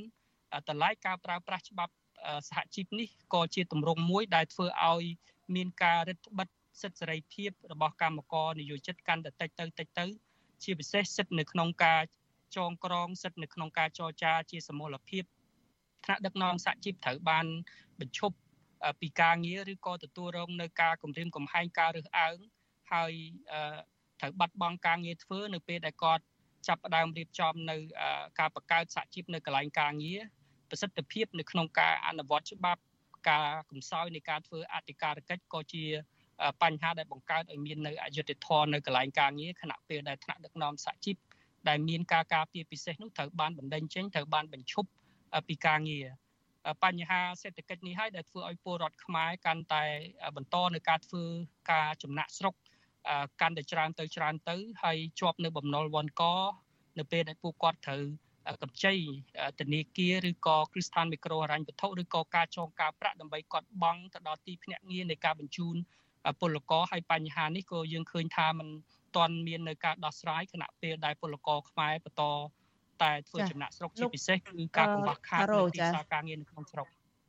ចាលោកថារោកាត់ប្រសាសន៍លោកត្រង់នេះចាយើងមានពេលតែ2នាទីទៀតទេចាសូមលោកជួយលើកឡើងខ្លីៗពីអំណះអំណាងតកតងនឹងថាចំណុចសំខាន់នោះគឺតកតងនឹងសេដ្ឋកិច្ចរបស់កម្មករសហជីពដោយសារតែមានបញ្ហារោងចក្របិទទ្វារហើយ ព្យួរការងារអីចឹងទៅហើយមួយទៀតហ្នឹងគឺតកតងនឹងសេរីភាពបញ្ចេញមតិដែលរដ្ឋបិទដែលធ្វើពួកគាត់ហ្នឹងមិនអាចបញ្ចេញមតិមិនអាចទៀមទាមិនអាចតវ៉ាដើម្បីឲ្យលក្ខខណ្ឌការងារនឹងបានប្រសើរបានហើយមួយទៀតហ្នឹងតកតងនឹងសេរីភាពសហជីពតកតងនឹងច្បាប់សហជីពដែលខាងក្រមសហជីពនឹងស្នើឲ្យមានវិសោធនកម្មដូច្នេះ3 3ចំណុចសំខាន់នេះតើអាចនឹងដោះស្រាយបានយ៉ាងម៉េចទៅហើយ តើធ្វើយ៉ាងម៉េចដើម្បីជំរុញរដ្ឋាភិបាលដោះស្រាយបញ្ហានឹងដើម្បីឲ្យធានាបានសេរីភាពសហជីពធានាបានសិទ្ធិការងារនឹងឡើងវិញចា៎យើងមើលឃើញថាចលនាសហជីពឯករាជ្យនេះគឺដើរតួនាទីសំខាន់ណាស់នៅក្នុងការធ្វើយុទ្ធនាការការទៀមទាការជំរុញឲ្យនៅការអនុវត្តនៅគោលនយោបាយដើម្បីធានានៅការគាំពៀទៅដល់កម្មករនយោជិតអញ្ចឹង យើងឃើញថារាជរដ្ឋាភិបាលអញ្ញោថាអាញាធមមើលឃើញថាចលនាសហជីពនេះគឺជាកត្តាគម្រាមកំហែងមួយហើយអញ្ចឹងហើយបានយើងមើលឃើញថាពួកគាត់ត្រូវបានដាក់នៅទិសដៅហើយពួកគាត់ទទួលរងនៅការគម្រាមកំហែងគ្រប់ទម្រង់ការប្រើប្រាស់ច្បាប់ស្តីពីសហជីពនេះគឺជាកត្តាមួយវាជាឧបករណ៍មួយនៅក្នុងការរដ្ឋបិទសិទ្ធិសេរីភាពរបស់គាត់នៅក្នុងការគៀងគរនៅក្នុងការតំណាងនៅក្នុងការជំរុញទៅរាជរដ្ឋាភិបាល ហើយករណីបទល្មើសព្រហ្មទណ្ឌនេះទៀតសោតធ្វើឲ្យគាត់កាន់តែលែងមានលំហហើយសិទ្ធិជាមូលដ្ឋានក្នុងការតំណាងទៅដល់កម្មករយោជិតចំណុចនេះហើយដែលធ្វើឲ្យអំណាចរបស់សហជីពកាន់តែខ្សោយទៅខ្សោយទៅនៅពេលដែលអំណាចរបស់សហជីពកាន់តែខ្សោយទៅខ្សោយទៅគឺក៏អត់មានលទ្ធភាពនៅក្នុងការជំរុញឬក៏ឲ្យមាននៅការលើកកម្ពស់នៅយុត្តិធម៌សង្គមឬក៏ការទៀមទាសំណងការទូទាត់ឲ្យមាននៅយុត្តិធម៌ការងារនៅកន្លែងការងារហើយអញ្ចឹងចំណុចមួយនេះហើយដែលយើងមើលឃើញថានៅពេលដែល បញ្ហានឹងត្រូវកើតមានឡើងហើយมันមាននៅដំណោះស្រាយហើយវាទៀមទាឲ្យឆន្ទៈរបស់ផ្នែកនយោបាយនឹងសំខាន់ជាពិសេសគឺរាជរដ្ឋាភិបាលនឹងត្រូវតែធ្វើយ៉ាងណាធ្វើវិសោធនកម្មច្បាប់នឹងហើយត្រូវទម្លាក់ចោលនៅបទចោតប្រកាន់ទៅដល់មេដឹកនាំសហជីពនឹងហើយត្រូវកំណត់នៅគោលនយោបាយឲ្យមាននៅប្រាក់ឈ្នួលរស់នៅសមរម្យធានាទៅដល់សេចក្តីថ្លៃថ្នូរទៅដល់កម្មករនិយោជិតដូចជានៅក្នុងវិស័យសំណង់វិស័យសេវាកម្មសន្តាគារនឹងកាលណាពលរដ្ឋគាត់ ទទួលបានកម្មករទទួលបាននៅប្រាក់ឈ្នួលរស់នៅសមរម្យហ្នឹងវាធ្វើឲ្យស្ថានភាពសេដ្ឋកិច្ចរបស់គាត់ហ្នឹងកាន់តែប្រសើរបញ្ហាបំណុលរបស់គាត់ក៏ត្រូវបានដោះស្រាយអញ្ចឹងចំណុចនេះសំខាន់ណាស់ដែលខ្ញុំគិតថា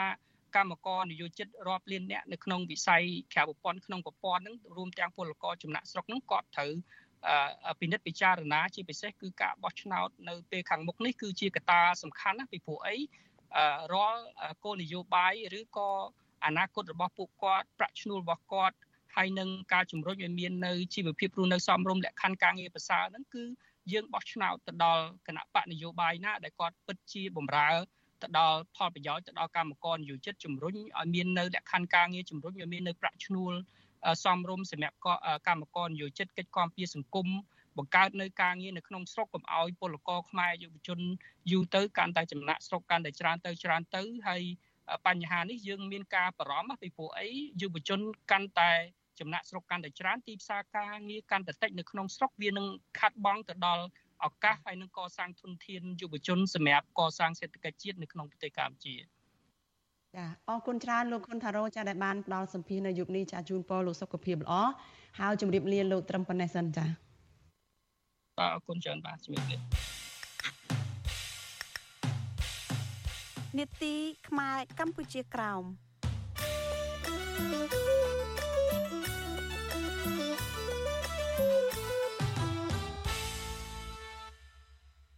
ចាលោកនាងជាទីមេត្រីសហព័ន្ធខ្មែរកម្ពុជាក្រោមបានបញ្ចប់បេសកកម្មជិត2សប្តាហ៍ចូលរួមកិច្ចប្រជុំវេទិកាអចិន្ត្រៃយ៍ស្ដីពីបញ្ហាជនជាតិនៅឯបូរីញូវយ៉កកាលពីចុងសប្តាហ៍មុនចាសហព័ន្ធប្រើប្រាស់វេទិកានេះដើម្បីផ្សព្វផ្សាយពីការធ្វើទុកបុកម្នេញទៅលើជនជាតិដើមខ្មែរក្រោមពីសំណាក់រដ្ឋាភិបាលវៀតណាម និងស្នើឲ្យវៀតណាមបញ្ចូលសហគមន៍ខ្មែរក្រោមទៅក្នុងគោលនយោបាយអភិវឌ្ឍរបស់វៀតណាមនិងអនុវត្តគោលដៅអភិវឌ្ឍប្រកបដោយចីរភាពរបស់អង្គការសហប្រជាជាតិចាលោកយុនសាមៀនរាយការណ៍អំពីរឿងនេះតំណាងសហព័ន្ធខ្មែរកម្ពុជាក្រោមនិងតំណាងរដ្ឋាភិបាលវៀតណាមបានប៉ះទង្គិចពាក្យសម្ដីគ្នាយ៉ាងតឹងសរសៃកពេលធ្វើសេចក្តីថ្លែងការណ៍ក្នុងវេទិកាអចិន្ត្រៃយ៍ស្ដីពីបញ្ហាជនជាតិដើម។ តំណាងរដ្ឋាភិបាលវៀតណាមបានបន្តចោទប្រកាន់សហព័ន្ធខ្មែរកម្ពុជាក្រោម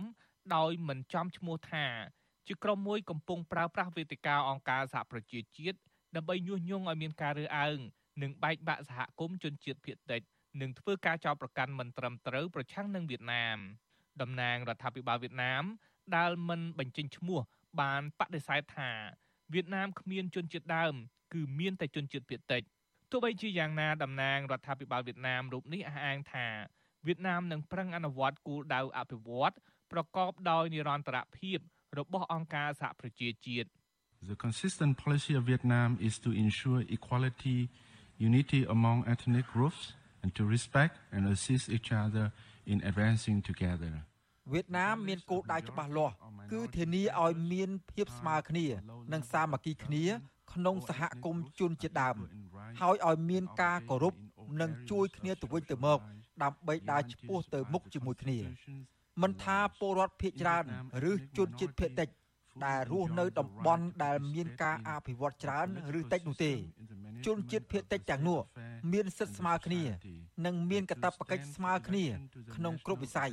រួមមានការចូលរួមក្នុងសង្គមនិងការធានាការពារដោយច្បាប់ នៅវៀតណាម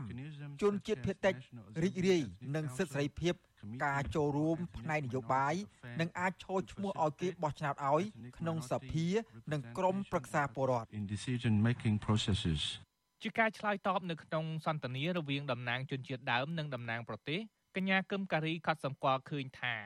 ទោះបីសេចក្តីប្រកាសជាសកលស្តីពីជនជាតិដើមត្រូវបានគេអនុម័តកាលពីឆ្នាំ2007ក្តីប្រទេសខ្លះនៅតំបន់អាស៊ី មិនទាន់អនុវត្តសេចក្តីប្រកាសរបស់អង្គការសហប្រជាជាតិឲ្យមានប្រសិទ្ធភាពនៅឡើយទេកញ្ញាបន្តថាវៀតណាមបន្តបដិសេធមិនទទួលស្គាល់ថាខ្មែរក្រោមជាជនជាតិដើម ហើយបន្តចាត់ទុកខ្មែរក្រោមថាជាជនជាតិភៀសតិចហើយបានផាត់ខ្មែរក្រោមចេញពីគម្រោងអភិវឌ្ឍដូច្នេះខ្មែរក្រោមមិនដឹងនឹងយល់ពីគោលដៅអភិវឌ្ឍប្រកបដោយនិរន្តរភាពរបស់អង្គការសហប្រជាជាតិឡើយ កញ្ញាកឹមការីស្នើឲ្យវៀតណាមទទួលស្គាល់ខ្មែរក្រោមជាជនជាតិដើមទំនៀមទម្លាប់និងផ្ដល់ឲ្យខ្មែរក្រោមនៅធនធានចាំបាច់និងបណ្ដុះបណ្ដាលចំណេះដឹងនិងចូលរួមផ្ដល់យោបល់ក្នុងការសម្រេចចិត្តណាមួយ បន្ថែមលើនេះកញ្ញាចង់ឲ្យវៀតណាមកំណត់ធនធានដើម្បីជួយសហគមន៍ជនជាតិដើមដើម្បីសម្រេចឲ្យបាននៅគោលដៅអភិវឌ្ឍប្រកបដោយនិរន្តរភាពរបស់អង្គការសហប្រជាជាតិរួមទាំងការអាចទទួលបាននៅការអប់រំ សុខភាព និងសេវាកម្មជាមូលដ្ឋានសំខាន់សំខាន់របស់មនុស្សវេទិកាអចិន្ត្រៃយ៍ស្ដីពីបញ្ហាជនជាតិដើមឆ្នាំនេះបានប្រព្រឹត្តទៅ ចាប់ពីថ្ងៃទី17ដល់ថ្ងៃទី28ខែមេសា ដោយផ្ដោតលើប្រធានបទពលរដ្ឋជនជាតិដើម សុខភាពមនុស្សផែនដី និងបរិស្ថាន ដោយផ្អែកលើសិទ្ធិមនុស្សជាចម្បងវេទិកាអចិន្ត្រៃយ៍ស្ដីពីបញ្ហាជនជាតិដើម ជាស្ថាប័នផ្ដល់ប្រឹក្សាទៅក្រមប្រឹក្សាសេដ្ឋកិច្ចនិងសង្គម របស់អង្គការសហប្រជាជាតិដែលបានបង្កើតឡើងកាលពីឆ្នាំ2000ដែលមានអាណត្តិពិនិត្យបញ្ហាប្រឈមរបស់ជនជាតិដើមទាក់ទងទៅនឹងសេដ្ឋកិច្ចនិងការអភិវឌ្ឍសង្គមវប្បធម៌អប់រំសុខភាពនិងសិទ្ធិមនុស្សវេទិកានេះជាកន្លែងសំខាន់ដើម្បីជម្រាបលើកឡើងឲ្យមានការដឹងឮនិងការតស៊ូមតិនឹងអាជ្ញាធររដ្ឋាភិបាលឲ្យមានការចាប់អារម្មណ៍ដើម្បីដោះស្រាយបញ្ហាដើរថយក្រោយ និងការអនុវត្តជាវិជ្ជមាន ជុំវិញសិទ្ធិជនជាតិដើម ស្ត្រីកុមារនិងយុវជនពាក់ព័ន្ធទៅនឹងវេទិកានេះអនុប្រធានប្រតិបត្តិសហព័ន្ធខ្មែរកម្ពុជាក្រោមលោកម៉ៅមនីមានប្រសាសន៍ប្រាប់វិទ្យុអាស៊ីសេរីថាតំណាងសហព័ន្ធខ្មែរកម្ពុជាក្រោមបានដាក់សំណើនឹងរីកាស្ដីពីជនជាតិដើមខ្មែរក្រោមទៅឲ្យក្រុមប្រឹក្សាសេដ្ឋកិច្ចនិងសង្គមរបស់អង្គការសហប្រជាជាតិហៅកាត់ថាអេកូសុកហើយក្រោយបញ្ចប់វេទិកាស្ដីពីបញ្ហាជនជាតិដើម អេកូសុកត្រូវបានគេបង្កើតឡើងកាលពីឆ្នាំ1945ជាប្រព័ន្ធមួយរបស់អង្គការសហប្រជាជាតិដើរតួនាទីជាវេទិកាកណ្ដាលដើម្បីជំរុញឲ្យមានការជជែករិះគិតដើម្បីធ្វើឲ្យសម្រេចគោលដៅរបស់អង្គការសហប្រជាជាតិលោកម៉ៅមនីមានប្រសាសន៍បន្តថាសហព័ន្ធចាំបាច់ត្រូវរាយការណ៍ទៅឲ្យស្ថាប័នអន្តរជាតិដោយសារតែវៀតណាម បានតែងតែសន្យាខ្យល់និងបន្តរំលោភសិទ្ធិជនជាតិដើមខ្មែរក្រោម យើងឃើញរដ្ឋាភិបាលយួនធ្លាប់តែនិយាយថាបានជួយជនជាតិនៅប្រទេសវៀតណាមហ្នឹងប៉ុន្តែมันប្រាប់ថាបានជួយជនជាតិភៀតតិចណាច្បាស់ទេហើយថាជួយបានប្រមាណឬមួយបានធ្វើអីខ្លះចឹងទៅយើងក្នុងនាមជាងជាខ្មែរក្រមជនជាតិដើមនៅប្រទេសវៀតណាមហ្នឹងលើទឹកដីកម្ពុជាក្រមរបស់យើងហ្នឹងយើងគ្មានបានទទួលផលអីទេបើបានជួយខ្មែរក្រមរដ្ឋាភិបាលយួនទៅនិយាយថាបានជួយកន្លែងណាជួយប្រមាណ ហើយបានធ្វើខ្លះចឹងទៅរដ្ឋាភិបាលមិនបាននិយាយទេចឹងទៅទាំងអស់រដ្ឋាភិបាលវៀតណាមបានឡើងថ្លែងការណ៍ហ្នឹងយើងឃើញថាគ្មានអ្នកណាជឿទេពេលក្នុងអង្គប្រជុំនោះពីព្រោះរឿងហ្នឹងរដ្ឋាភិបាលវៀតណាមឡើងនិយាយរាល់ឆ្នាំហ្នឹងស្របពេលដែលវៀតណាមអះអាងខ្លួនឯងថាកំពុងលើកកម្ពស់សិទ្ធិជនជាតិភៀតតិចនោះអាញាធរវៀតណាមបានកោះហៅយុវជនខ្មែរក្រោមប្រមាណ10នាក់ទៅសម្លុតគម្រាមកំហែងជាបន្តបន្ទាប់មិនឲ្យងើបឡើងទាមទារសិទ្ធិស្វ័យសម្រេច និងនិយាយពីប្រវត្តិសាស្ត្រខ្មែរក្រោមទង្វើរបស់វៀតណាមធ្វើដូច្នេះក្នុងពេលដែលខ្លួនកំពុងដើរតួនាទីជាសមាជិកក្រុមប្រឹក្សាសិទ្ធិមនុស្សរបស់អង្គការសហប្រជាជាតិសម្រាប់រយៈពេល3ឆ្នាំសហព័ន្ធខ្មែរកម្ពុជាក្រោមអះអាងថាតំណាងវៀតណាមនឹងខ្មាស់គេនៅក្នុងកិច្ចប្រជុំកំពូលរបស់ក្រុមប្រឹក្សាសិទ្ធិមនុស្សរបស់អង្គការសហប្រជាជាតិនៅចុងឆ្នាំ2023នេះនៅពេលមានសេចក្តីរាយការណ៍អំពីការរំលោភសិទ្ធិជនជាតិដើម និងសិទ្ធិពលរដ្ឋវៀតណាមខ្លួនឯងនោះនៅពេលដែលវៀតណាមជាសមាជិកនឹងធ្លាប់សន្យាថានឹងគោរពសិទ្ធិមនុស្សខ្ញុំយុនសាមៀនវិទ្យុអាស៊ីសេរីប្រធានាធិបតី Washington ចាលោកនាងកញ្ញាប្រិយមិត្តជាទីមេត្រីចាប់ព័ត៌មានតកតងនឹងលោកហ៊ុនសែនដែល